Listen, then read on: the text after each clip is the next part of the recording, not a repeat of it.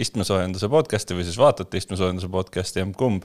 siin on äh, jõulueelne selline viimane saade meil. Äh, kindlasti tuleb üks saade veel enne aastavahetust, kus me siis teeme mingisuguse pikema kokkuvõtte sellest autoaastast ja räägime oma lemmikautodest ja teeme mingid valikud. aga, aga sel korral lähme siin Veliga veel täitsa tavapärases rütmis, räägime autouudistest, ühest proovisõiduautost ja anname ka vähe nippe Lähme siin kohe uudiste teemade juurde ja räägime sel korral sellisest autost, mis tavaliselt väga palju nagu kõlapinda ei saagi. ja see, need uudised tulevad siis meil ida poolt, mitte päris nii kaugelt ida poolt, et nad sinna äh, Jaapanisse jõuaks, aga ütleme sihuke poolel teel sinna.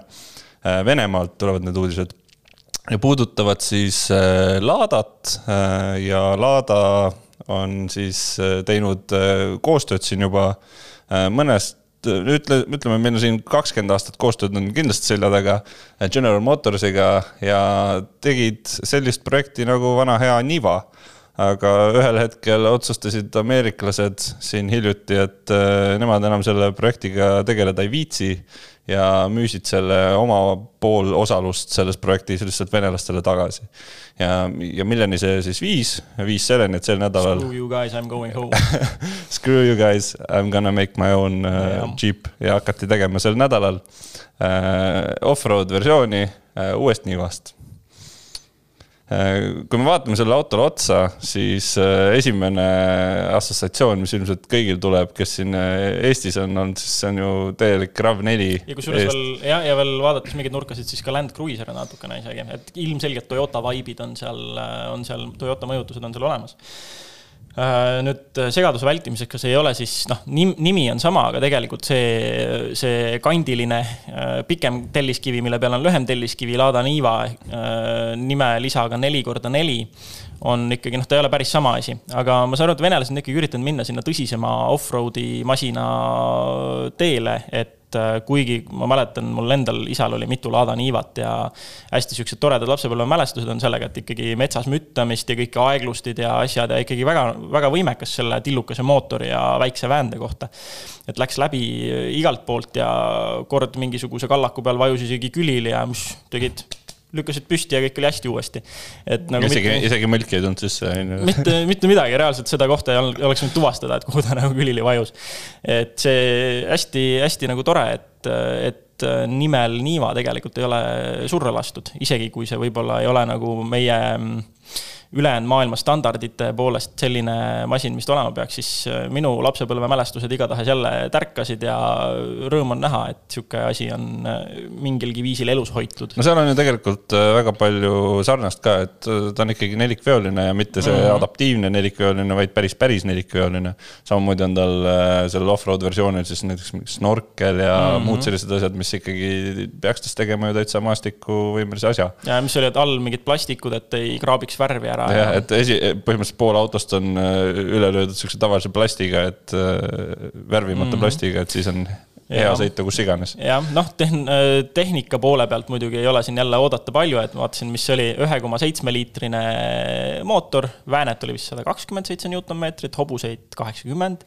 kiirendus nullist sajani oli sihuke, issand, kas ta oli kuusteist või üheksateist sekundit? no ütleme, et see, need ei ole ka kindlasti need numbrid, mis siin nüüd äh, olulised on, aga üks number veel, mis võib-olla võiks inimesi erutada, on hind, et äh, siin prognoositakse, et see võiks jääda enam-vähem kuhugi sinna kümne tuhande euro ringi.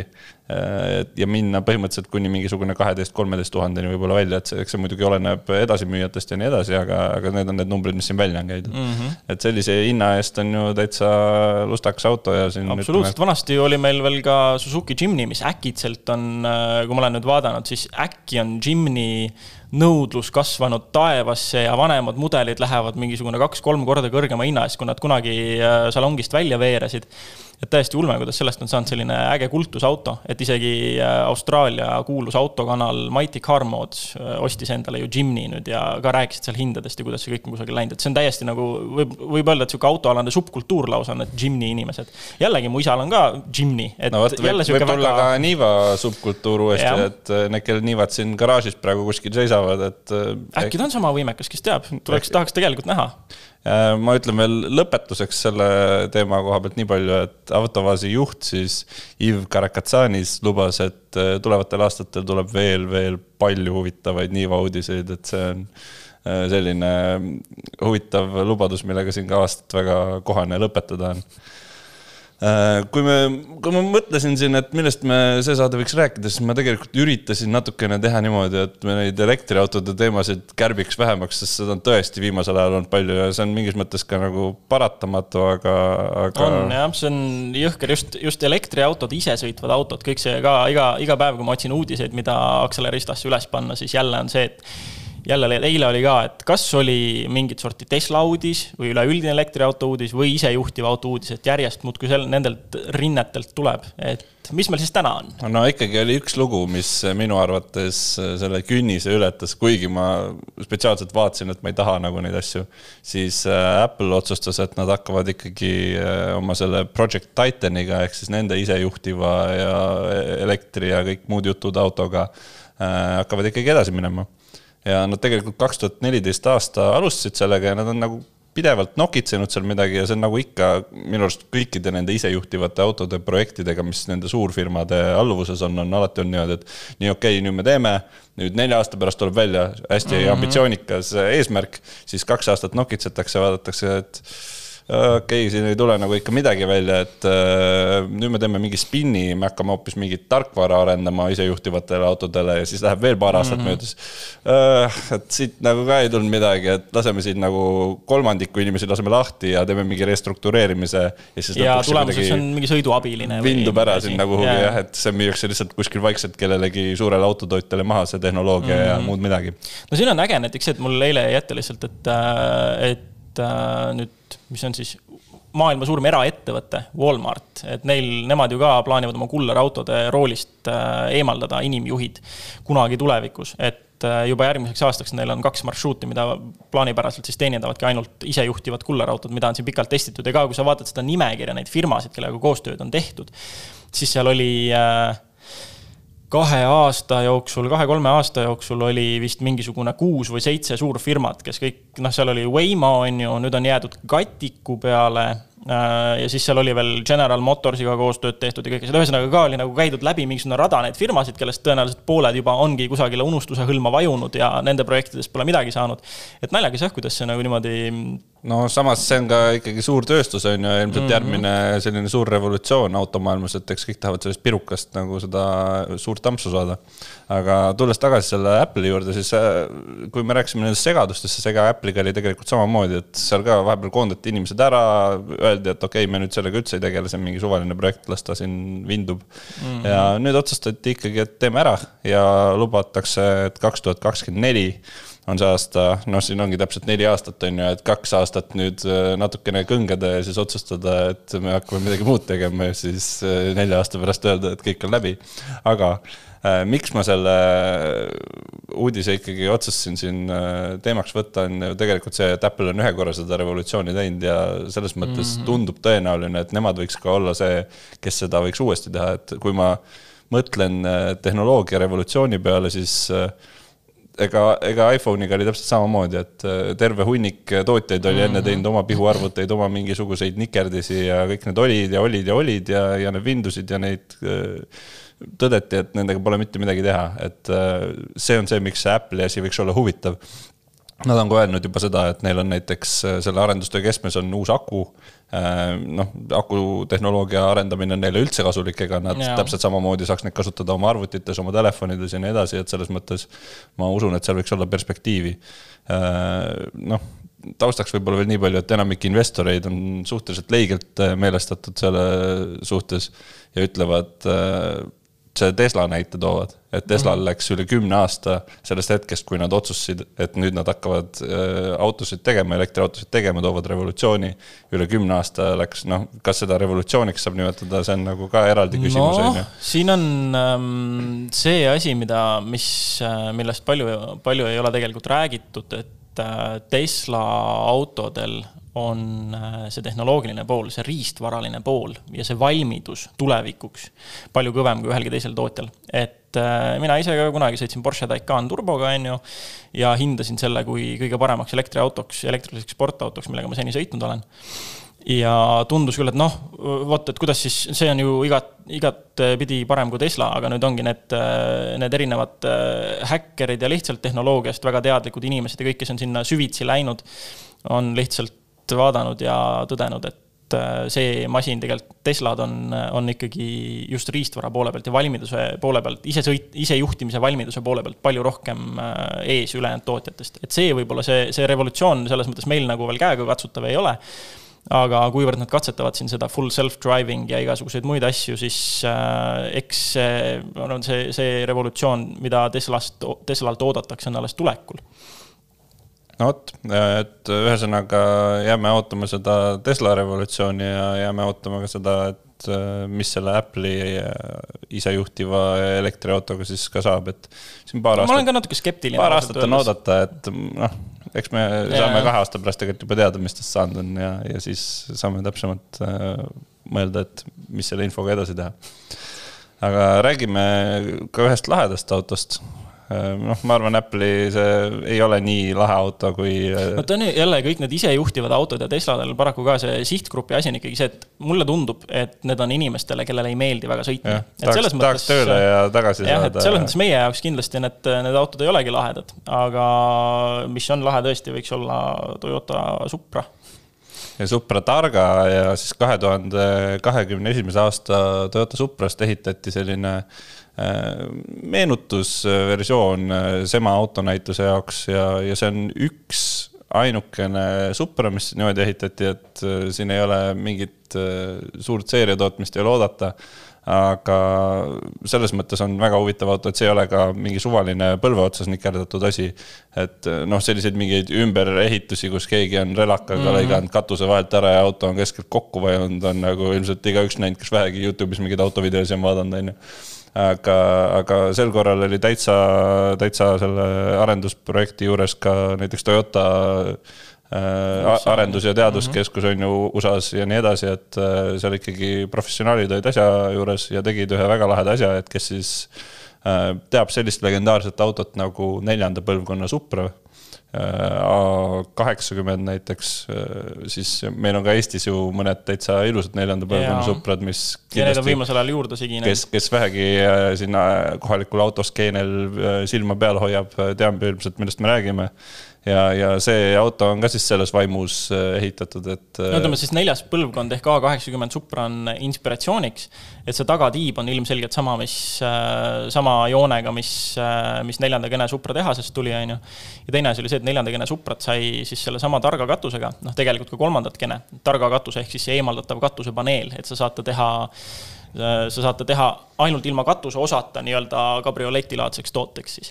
et et, et selles mõttes vaatasin neid pilte ja palju parem ilme, ausalt öeldes, et me mõlemad vist oleme samal nõul selles osas, et see esiots ikkagi, need tuled, et see on natuke see, mis seda Supra, uue viienda gene Supra välimust natukene nii-öelda maha teeb, talle just nagu head just ei tee, aga muus osas ta ikkagi, jooned voolavad kenasti ja see targa, no kurat, see sobib talle tegelikult mulle on see väga meelepärane, sest et äh, kahel põhjusel. üks on see, et üks asi, millest ma Supras äh, tundsin puudust, oli selline avarus natukene mm, -hmm. et mhm. kui sa oled nii suur, istud seal Supras, noh, tal on ikkagi aknad on suhteliselt väikesed mm, -hmm. katus on suhteliselt madal, on ju.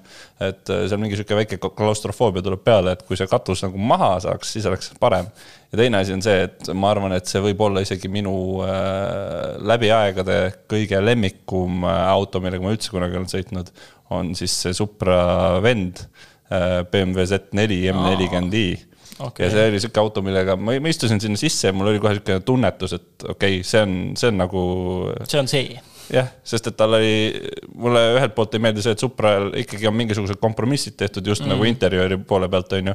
et BMW-l seda ei ole, ta on seest ikkagi luksuslik.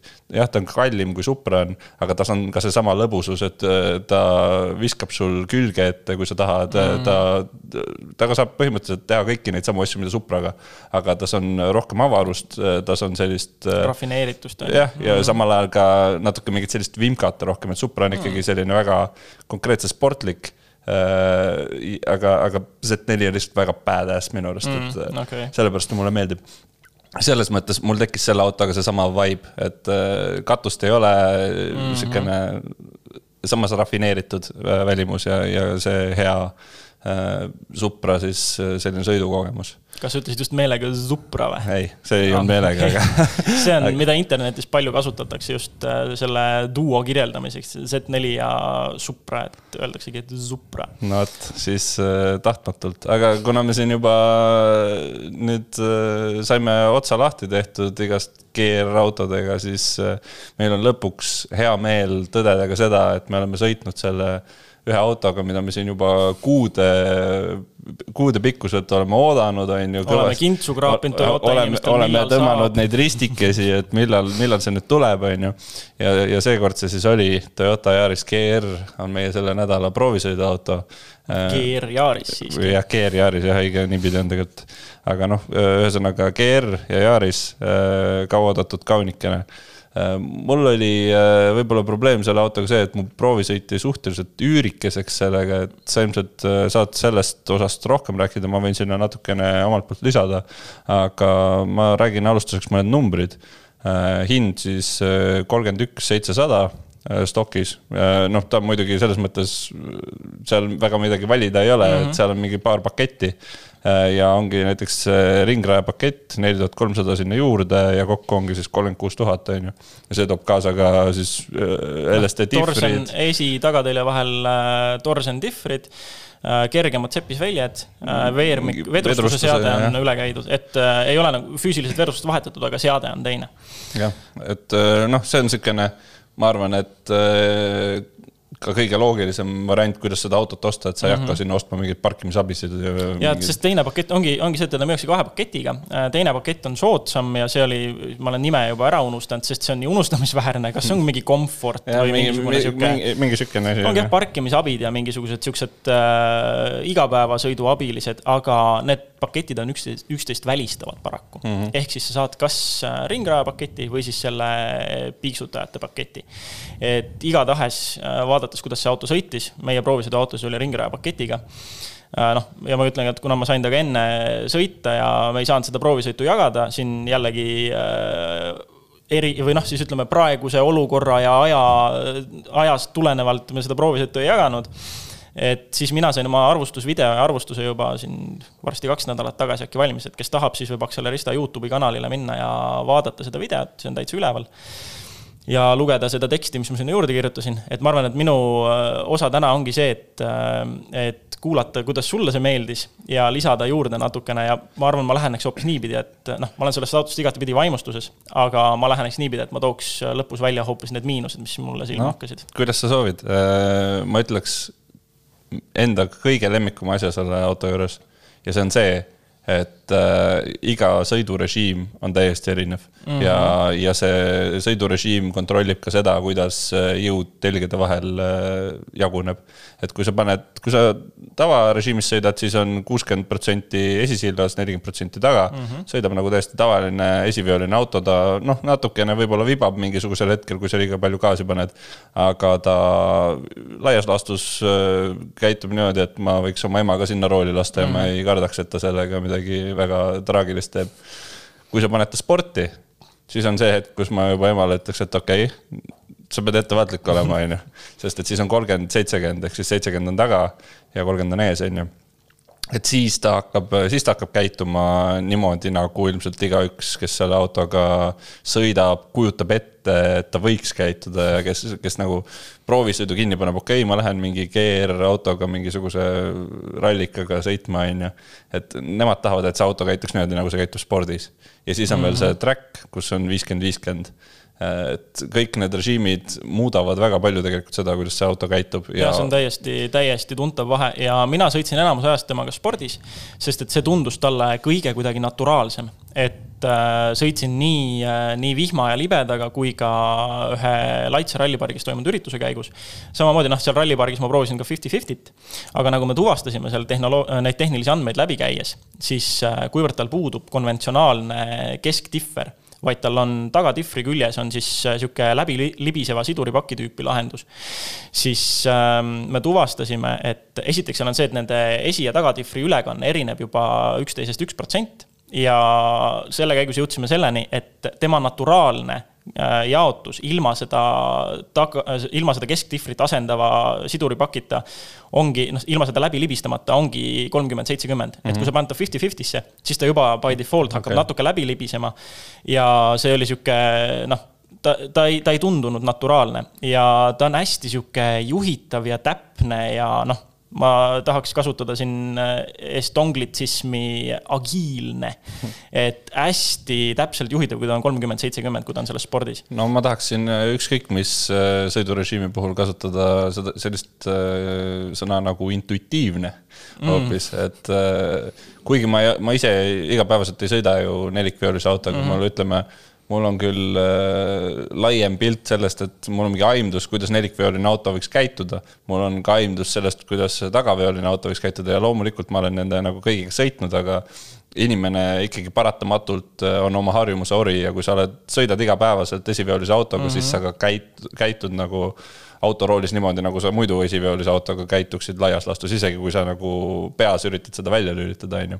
aga mul ei olnud temaga mitte kordagi seda probleemi, et ma oleks tundnud, et ta mm. ei allu mu kontrollile ja neid hetki, kus ta lihtsalt ka mingi suvalisel hetkel, noh, teed näiteks pööret, on ju, ja mhm. annad liiga palju gaasi ja sa tunned, kuidas ta hakkab tagant vedama ja sa saad sellest kohe aru ja sa saad sellele reageerida ja sa saad nagu vastavalt äh, sellega hakkama mm -hmm. saada, et ma kujutan ette, et ta on suurepärane auto ka nendele inimestele, kes ei ole mitte kunagi varem sellist selliste autodega sõitnud, kes ei, kes võib-olla kardavad äh, mingisugust sellist jõudu taltsutada, on ju, ja, ja, ja kardavad, et nad, ma ei tea, sõidavad teelt välja või mis iganes, et see auto hakkab mingeid trikke tegema. sa tunned iga seda liigutust, mida see auto tegelikult teeb et.... see oligi see, mis mulle ka hullult meeldis, on see, et see, see šassii on meeletult jäik, aga samas need amordid ikkagi on suhteliselt ka, kuna noh, ma tegin ka oma proovisõiduvideo, ma tegin Tabasalu kardirajal ja seal ka noh, need raja servatäristid on ju, nendest üle minnes tegelikult ma ootasin mingit äh, jõulisemat läbiraputamist, aga need amordid neelasid need löögid suhteliselt hästi. et ongi see, see sõidumugavuse pehmus tuleb nendest amortidest ja nende seadest ja samas šassii on hullult jäik ja sa saad ikkagi kogu selle tagasiside kätte, mis sul tarvis on. et äh, ma ka kasutasin arvustuses sellist lauset, et, äh, et hästi intuitiivne just selle koha pealt, et kui sul läheb auto ülejuhitavaks siis su keha teab kohe nagu sellest saadavast tagasisidest väga täpselt ja intuitiivselt, mida sa pead tegema selleks, et A, saada auto otseks, B, liugu pikendada nii palju, kui sa tahad. hästi lihtne on selle autoga driftida ja külglibisemist hoida täpselt ja kaua ja kestvalt ja no jällegi, eks videos saab näha, et et see, see lihtsalt, see, kuidas ta laseb mängida ja lõbutseda, on no no ma ei ole siin viimasel ajal moodsatest autodest, uutest autodest tundnud, et ükski masin oleks tehtud sellise kirega. et äh, siin on jälle see, et see härrasmees nimega Akio Toyoda äh, ju ise käib varjunime all äh, võistlemas ja sõitmas ja, ja tema on suuresti süüdi selles, et meil on tulnud jälle lõbusaid autosid Toyotalt, et vahepeal oli ju justkui tühimik et, et see, selle auto puhul on tunda, et ta on tehtud ikkagi kirega, ta ei ole Toyotale selline kasumiauto vaid ta on ikkagi homologeerimiseks ja ta on maineauto. et, äh, et see, et ta maksab kolmkümmend kuus tuhat ja sa saad selle noh, ongi nii lõbus auto, mis on puhtalt tehtud, tehtudki juhile, tehtud sõitjale, inimesele, kes armastab sõitmist. et sul on kõik nagu need õiged äh, nii-öelda linnukesed õigetes kastides, et sul on nelikvedu, sul on nii kerge auto, tuhat kakssada kaheksakümmend kilogrammi on peaaegu sama kerge kui GT kaheksakümmend kuus. sul on käsikast ja üleüldiselt kogu see sõiduelamus on suunitletud juhile ja, ja sõidu nautimisele, et äh, tore, et sihuke asi on tehtud. aga noh, jälle nüüd ma leian, et sellest kohast, kus ma räägin nendest asjadest, mis mulle meeldisid, kui tegelikult ma tahtsin lõpetada sellega, et ma räägiksin, on ju, mis on miinused. ma võin ka kohe välja tuua selle. Äh, noh, kui ma selle auto roolis istusin, äh, kui ma sellega tagasi viisin, siis ma äh, ma pean tunnistama seda, et mul lähemad paar päeva pärast seda proovisõitu käis peas päris mitu korda läbi see mõte, et okei okay,, et tuleks, tuleks vist raha kõrvale hakata panema, onju. et ma pean seda tunnistama, et see mõte käis korduvalt läbi ja siis ma pean tunnistama ka seda mõtet, mis käis ka läbi, et miks seda autot ei saa endale lubada või endale võtta on see, et äh, seal autos on ainult kaks istet sisuliselt, et tegelikult see tagumine iste ei ole mingi iste ja ka üldine ruumikus, ütleme nii-öelda seal pagasiruumi koha peal on, on mm -hmm. piiratud, et see on see, mis kahjuks tõmbab ilmselt, ma ei hakka veel ütlema, et ma nagu ei osta seda, sest et ma, ma natukene veel olen kimpus selle mõttega. aga, aga üldjoontes jah, see, see ei ole nagu praktiline auto mm -hmm. väga no mina teda ka pere ainukeseks autoks ei soovitaks. et jah, tõsi, mina olen piisavalt katki peast, et ma saaksin sellega hakkama pere ainukese autona äh, aga mm, tegelikult ta jah, selles mõttes praktiline ega mõistlik tõesti ei ole, et äh, ta on pigem niisugune teine, kui sa tahad äh, uut autot, mis oleks ikkagi kõik kaetud garantii ja garantiiga ja sihuke noh, pere teine auto, lõbus. Äh, isa ja ema saavad minna õhtusele poetiirule ja lõbutseda, kui tahavad. siis, äh, siis see on see masin. aga miinused jah, esiteks muidugi, nagu sa mainisid, see mahutavus. tagaiste ongi nii, et noh, lapse tool läheb ära, laps läheb, aga noh, kui ütleme, kui tegu oleks juba teismelisega, siis sinna enam väga mugavalt tõesti ei lähe ja teine on isteasendi kõrgus, mis on veidike ebasportautolik, natuke liiga kõrge isteasend ja kombineeritud sellega, et sul on see kuigi see interjöör on minimalistlik ja sihuke, ütleme isegi veidike askeetlik, mis mulle meeldib, siis see ikkagi, et sul on see infolustisüsteemi ekraan seal keskel ja tema ülaserv on kõrgemal kui armatuurlauaserv ja varjab vaadet ja siis sul jääb mingisugune, ütleme. peegel ja ka no, mingites tingimustes natukene ette, nagu minu puhul ja, ma tundsin, et see taha vaata. et ongi, sul jääb sellest äh, ekraani ülaservast mingisugune jah, mingi kümme sentimeetrit ja siis sul on suhteliselt suur peeglilatakas. et et, äh, et see on, äh, minu jaoks see väga ei häirinud, aga mul näiteks äh, naine ütles, et et äh, tema puhul, äh, tema jaoks ei oleks selle auto juures deal breaker, et tema seda juba, see nähtavus häiris teda nii palju lihtsalt. Äh, ilmselt mõnede inimeste jaoks oli, oleks ka seesama deal breaker, et millest me siin rääkisime või mille sa ka ära markeerisid, on ju, see askeetlik sisemus, on ju. et seal ei ole oodata mingeid väga. samas see, see, seda nad ei, ei ole, nad ei ole odavad materjalid ka mm -hmm. selles mõttes, et seal ei ole mingit klõbinat, seal ei ole mingeid siukseid asju. sa katsud neid materjale, see on kõik okei okay aga ta on ikkagi kindlasti mingite inimeste maitse jaoks ka skeetlik, eriti kui sa tuled mingisuguste äh, sportlikumate autode pealt, mis on võib-olla luksuslikumad mm, -hmm. kui me mhm. räägime siin mingi, ma ei tea, BMW M-seeriast või mis iganes, on ju, ja kui sa mõtled, et sa okei okay,, ma ostan endale ühe odavama auto, millega saab ka lõbutseda, siis see võib sind häirima hakata mm -hmm. tegelikult, on ju. ma ei tea, minu arvates on selle auto filosoofia juba see, et see ei tõmbagi nende inimeste tähelepanu või need inimesed ei ole sihtgrupp, kes sõidavad mingite kallimate, luksuslikemate sportautodega. et sihtgrupp on ikkagi need, kes äh, kes tahavadki lõbusat ja kes tahavadki minimalismi. et see vähemasti tundus mulle. nüüd pagasiruumist rääkides ka, see pagasiruumi põrand on jah, hästi kõrgel, sest et sinna alla on kaalujaotuse jaoks äh, toodud aku, seal varuratast näiteks ei olegi. ja seal all on siis nüüd, on ju, see tagumine differ pluss siis see siduripaki lahendus võtavad äh, nii palju ruumi, et see põrand peab lihtsalt olema nii palju kõrgem. et jällegi pagasiruumi maht on ära võetud ja üks asi, mis mulle ei meeldinud, on ka mootori karakter ikkagi, et ta on ju tegelikult ikkagi mikromootor, üks koma kuus liitrit, kolm silindrit et äh, kuigi äh, väändegraafiku järgi, väänekõvera järgi on kolme tuhandest pöördest kogu vääne olemas, siis ikkagi ka seal Tabasalu kardirajal lõbutsedes ma pidin teda hoidma üle nelja tuhande pöörde, et ta külglibisemist jaksaks hoida jätkuvalt. et, et see mootori karakter on lihtsalt selline, et näiteks liiga libedaga ta kaldub hästi palju alajuhitavusele, kui sa teda ei hoia piisavalt kõrges pöördes, kui sa ei hoia teda seal äh, õiges kohas, kus on kogu vääne ja jõud olemas mm. -hmm. et siis ta, siis ta teeb hästi palju seda, et noh, kuna mul ka seal rajal sadas vihma kogu aeg peale siis oligi hästi palju seda, et kui sa lähed kurvi ja sa tahad nüüd äh, külje ette tõmmata, siis kui sa seda ainult jõuga teed, kui sa lihtsalt gaasi põhjas hoiad, siis esiteks ta läheb hästi alajuhitavaks, ta surub esirattad loha ja siis mingi hetk tõmbab ennast ikkagi viltu, et sa pead hästi palju alajuhitavust ära kannatama selleks, et ülejuhitavus tuleks. Õnneks on, tuleb appi see hästi naksakas käsipidur, mis õnneks on füüsilise kangi kujul ja see on, see on hea asi ja teine hea asi on veel see, et see käiguvahetuse tunnetus on ka hullult hea ja noh, üldjoontes ikkagi jah väga,, väga-väga-väga rahul selle autoga, aga ma arvan, et veel iseendale nagu kõrvale niimoodi ostma teda ei, ei tõttaks, aga ta on minu jaoks ta on kindlasti selle aasta sportauto sellegipoolest. no selleni me jõuame juba järgmises saates, on ju, aga ma tahtsin veel omalt poolt lõpetuseks siin selles osas ära markeerida selle, et kui sa siin ütled, et sa ostma ei tõtta, siis äh, rääkides esinduse inimestega, siis huvi on tegelikult väga suur mm. -hmm. ja, ja mitmed inimesed on selle juba ette tellinud niimoodi nagu lihtsalt põrsas kotis, et ja. mul ei ole õrna aimu ka, aga see ma tundub juba nii lahe, et ma ostan selle ära et selles mõttes äh, tasub ka kindlasti kiirustada, kuna neid autosid on ikkagi võrdlemisi piiratud kogus, on ju.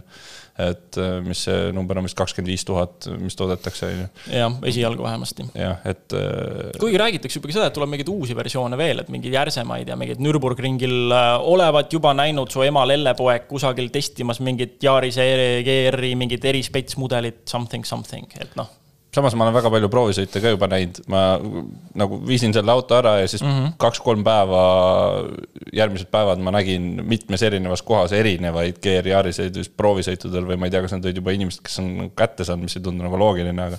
aga ühesõnaga tundub, et inimestel on suur huvi ka ja, ja nagu meie jutust selgub, siis täiesti põhjendatult. jah saate lõpetuseks siin tuleb äh, jälle üks velitiraad äh, teemadel, mis on vägagi seotud GR Yarisega, ehk siis noh, sa võid ise sissejuhatuse teha. jah, no põhimõtteliselt on see, et mis, mis on näiteks GR Yarisel üks funktsioonidest, mida mina ei kasutanud ja mida ma oma arvustuses ütlesin, et kui juht oskab, siis ma soovitan selle välja lülitada, on IMT. see on selline väike nupukene käigukangi juures ja mida see teeb, see hakkab andma alla vahetustele automaatset vahegaasi ja täna ma mõtlesingi, et räägiks siis üldse sellest, mis see vahegaas on. Ja äh, teine asi on see, et äh, mida ma näiteks olen äh, kohanud nii mõnegi arvustuse juures, mina noh, nii mõndagi käsikastiga autot arvustades, ma olen maininud ära ka pedaalide paigutuse, et kas see on hea või mitte vahegaasi jaoks ja nii-öelda kandja varvas vahegaasi jaoks ja noh, inimesed on tulnud, mis, mis pedaalide paigutus, mis mõttes, kuidas see nagu oluline üldse, et noh, siis nende inimeste jaoks ma paneks siia vahele mängima ühe väikse video jalgade tööst. et mida tähendab äh, topeltsiduriga vahegaas äh, pidurdamise ajal. ja räägiks siis, et milleks üldse vajalik on, milleks see kasulik on, milleks seda kasutatakse. et äh, laias laastus ta on rajasõidutehnika mille eesmärk on siluda siis äh, käiguvahetused sujuvaks, äh, just allavahetused. et ei tekiks seda käiguvahetuse jõnksu, kui sa pead vahetama käiku näiteks situatsioonis, kus sa oled rajal mingi nurgal ja auto on tasakaalust väljas. kui sul nüüd käib see jõnks, mis rattad korra plokki lööb, siis sa võid leida ennast vaatamas ninaga sinna tuldud sõidusuuna poole teine asi, miks ma tahan sellest täna rääkida, on see, et hästi palju inimesed, kes isegi seda tehnikat valdavad ei tea, mis vahe on või mis tehniliselt juhtub siis, kui sa, kui sa annad vahegaasi siis, kui sul on sidur kogu see protsessi jooksul ühe korra alla vajutatud või siis, kui sa teed seda topeltsiduriga. ehk siis see sammude järjekord on äh, ühel viisil siis äh, sujuva käiguvahetuse saamiseks on see, et sa vajutad siduri ühe korra alla, sa lükkad käigukangi neutraali, annad vahegaasi, tõstad mootoripöördeid ja siis paned käigu sinna käiku, mis sa tahtsid ja lased siduri lahti ja see on niisugune konkreetne lahtilaskmine, et see ei ole niisugune vanaema stiilis kergelt veel libistamine, et see sujuv vahetus saada, vaid kui sa seda õigesti teed, siis sa võidki lakk-siduri lahti lasta ja sul ei ole mitte mingit jõnksu. aga mis siis juhtub ja mis on nende kahe tehnika vahe, miks nagu kasutada üks kord pedaalivajutust versus kaks korda sidurdamist? selle jaoks tuleb äh, maalida endale niisugune mentaalne pilt. hästi lihtsustatud, hästi utreeritud, et näiteks kujuta sina ka nüüd ette, on ju, et äh, kujutame lihtsalt mootorit ette kui ühte kasti, millest tuleb välja üks pulk, üks võll, üks pöörlev võll see on ainuke, mis meil mootorist on vaja teada. sina oma parema jalaga kontrollid seda, kui kiiresti see võll pöörleb, kõik. Äh, järgmine samm, kujutame ette lihtsustatult äh, sidurit kui kahte plaati, mis käivad kokku, kokku ja lahku, kõik. ja siis kujutame käigukasti ette hästi lihtsustatult, kui kahte üksteise kohal asetsevat võlli.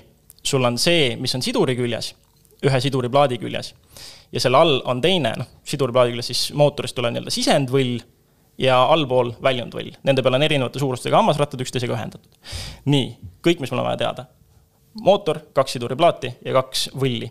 ja mingitel hetkedel pöörlevad kõik need kolm asja eri kiirustega. nüüd äh, ükskord sidurit vajutades ja vahegaasi andes teed sa lihtsalt seda, et sa lahutad need siduriplaadid ja kui sa käigu alla vahetad, siis noh, on ju, see jõnks tuleb ju sellest, et sa paned äh, käigu alla ja siis vaatad, mootoripöörded hüppavad üles, on ju.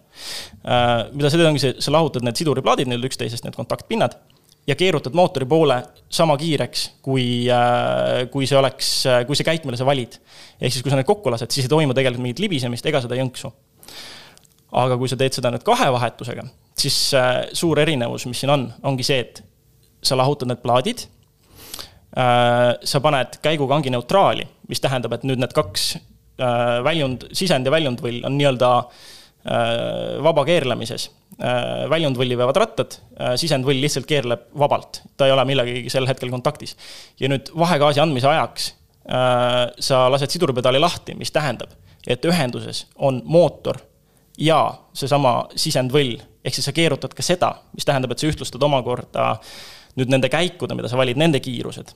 ehk siis äh, laias laastus sa säästad nii sidurit kui sünkrosid. et üks asi, mida ma olen kuulnud, mis isegi, isegi nagu kogenud autoajakirjanikud, millega nad pange on pannud, on nad ka vaadanud, kui me oleme proovisõitudele käinud kusagil ja siis nad on kõrvalt midagi öelnud, et mis sa siin vahegaasi annad, see on ju sünkroniseeritud käigukast, sinna ei ole vaja mingit vahegaasi. kasulik on ikka sa säästad rohkem tehnikat ja lõppkokkuvõttes topeltsiduriga allavahetused on sujuvamad ja siuksed, ütleme noh, erinevatele komponentidele leebemad kui see ühe siduriga variant. aga samas hästi palju just ka nagu võidusõidusõitjad ja kõik, kui sa vaatad näiteks Jaapani mingisuguseid võidusõitjaid, kus hästi tihti pannakse ka seesama footcam, see kaamera jalgade tööst juurde. vaatad ka, nemad ka tihti teevad seda ikkagi ainult ühekordse sidurivajutusega. et et äh, siin kehtib see rusikareegel, et äh, esiteks see on natuke kiirem ja see on nende jaoks tõenäoliselt määravam. ja, ja noh, neid ei huvita need sünkrod seal kästi, kastis nii väga. Need ilmselt ei huvita üldse see, et kas need asjad lähevad katki või mitte. jah, jah, jah, et ongi see, et nad saavad selle oma sujuva ilma jõnksuta vahetuse kätte selle ühe siduriga ka aga rusikareegel üldiselt on see, et kui sul on vaja mingil põhjusel vahetada korraga rohkem kui üks käik korraga alla, et sa tahadki hüpata näiteks äh, kuuendast neljandasse, neljandast teise, et siis on juba topeltsidurit üldjuhul vaja, et aga laias laastus see on kasulik tehnika mitte ainult rajasõidu jaoks, vaid äh, üleüldse, kui sa sõidutad näiteks, ma ei tea, oma vanaema ja tahad, et oleks sõidukogemus oleks sujuv ja kõik, et siis, äh, siis noh, mina kasutan seda põhimõtteliselt sada protsenti sõiduajast. et linna vahel samamoodi, eks sa ikka hoiad seda nagu soojas, et kui sa oled selle kord sisse harjutanud, siis seda nagu noh, siis sa pead ikkagi jõuliselt mõtlema, et seda mitte teha et äh, laias laastus sa säästad tehnikat ja, ja miks, miks ma üldse sellest mõtlesin Gear Yarise kontekstis rääkida, on see, et Gear Yarisel see, see IMT automaatse vahegaasi funktsioon siis, äh, ta tegutseb tegelikult aeglasemalt kui juht, kes seda tehnikat oskab. et seda oli tunda, et äh, proovisin, katsetasin, lülitasin sisse ja ta jah, kuidagi sihuke natukene jäi, noh, natuke aeglane tunne, ma, ma ei oskagi muud moodi seda kirjeldada. et et, et tahaks võib-olla natuke lihvimist veel, see tarkvaraline pool sellele, et, et aga jah, laias laastus saab nüüd loodetavasti mõned kuulajad-vaatajad saavad aru, milles, mida ma mõtlen, kui ma räägin pedaalide paigutusest ja mida ma mõtlen, kui ma räägin kandjavarvas ja vahegaas ja võib-olla saavad nüüd ka aru, et miks see vajalik on ja mis on nende erinevate sortide vahe. ma loodan, et ma noh, ma, ma oma peas seletasin seda umbes kümme korda läbi, üritades seda võimalikult lühidaks ja lihtsaks ajada. ma ei tea, kas see ka välja tuli kirjutage öelge meile, eks seda saaks kindlasti mõne skeemi abil paremini seletada. jah, et internetist leiab ka kindlasti sellekohast infot ja, ja samas ma tahaks ära markeerida ka selle, et ega see vahegaasi nii-öelda sisseharjut-, vahegaasi andmise sisseharjutamine iseendale on ka suhteliselt valulik protsess, et ega see nagu ta, ta on... esimese korraga tõenäoliselt on korralik ragin seal taga ja mitte, mitte ragin just, vaid nende sammude sisse, sest need sammud on ju tegelikult, kui sa teed seda kõige raskemat varianti, varianti, ütleme veel, lisame veel pidurdamise ajal ka, siis on ju see, et sa paned jala pidurile sa vajutad ühe korra sidurit, samal ajal võtad käigukangi neutraali. ja siis sa ajad pedaalid sassi ja. siis sa hoiad ikka veel, kogu aeg on parem jalg ikka piduril, siis sa vajutad parema jala välisküljega vahegaasi, vajutad uuesti sidurit, paned käigukangi sinna käiku, mis sa tahtsid ja siis lased siduri lahti. et see, need sammud on nagu, neid on palju, aga. igatahes, igatahes mu point oli selles, et seda võiks teha kuskil pealiiklusest väljaspool, et see ei, selles jah. mõttes nagu ilmselt ei lõpe väga hästi et.... aga see oli lihtsam selgeks õppida kui vasakjala pidurdamine. see kogemus on mul siiani meeles, kui ma ka olin ka kõrvalises kohas, teadsin juba, et võib juhtuda asju ja siis mõtlesin kogu aeg jõuliselt, nii nüüd õrnalt, õrnalt, õrnalt, rahulikult, ainult hingan sinna pedaali poole, litaki et ma omast arust vastusin nagu vasaku jala väikse varbaga sinna piduripedaalile, aga tegelikult oli see ikka, no ikka väga jõuline. ma olen ka pidur. ühe korra vist proovinud seda tehnikat ja, ja siis ma otsustasin, et ma lähiajal seda nagu uuesti ei hakka katsetama, sellepärast et see oli suhteliselt niisugune äh,. kusjuures samas ma arvan, meil sinuga on suhteliselt lihtne seda tehnikat ikkagi harjutada ja soojas hoida just sellepärast, et äh, meil on see eelis paljude ees, et äh, me saame siin igasuguseid automaatkastiga proovisõiduautosid ja just automaatkastiga proovisõiduautod on need head masinad, millega seda vasakjala pidurdamist soojas hoida, et sõidadki sellega kogu aeg kahe jalaga. et mm -hmm. ma olen kohanud inimesi, kelle puhul on see, et kes sõidavad esimest korda automaatkastiga autoga ja kelle vasak jalg tuleb teibiga siduda kusagile ukse külge. et nad ei hakkaks mingeid imelikke asju tegema siis vastupidi, mina julgustaks, et äh, just see on koht, kus võib-olla õppida vasakjala pidurdamist. et see on jällegi asi, mis tuleb mingites situatsioonides kasuks. Disclaimer on see, et kui nüüd mingid avariid selline. siis meie süüdi ei ole. meie, meie, meie, meie ei vastuta. Äh, ühesõnaga, seekord oli selline saade ja järgmisel nädalal teeme ühe pikema ülevaate juba kõigest, mis me selle aasta jooksul oleme proovinud ja, ja üritame need mingisugusesse pingeritesse seada. et loodetavasti meeldis teile seekord saade ja loodetavasti olete ka järgmine kord meiega aitäh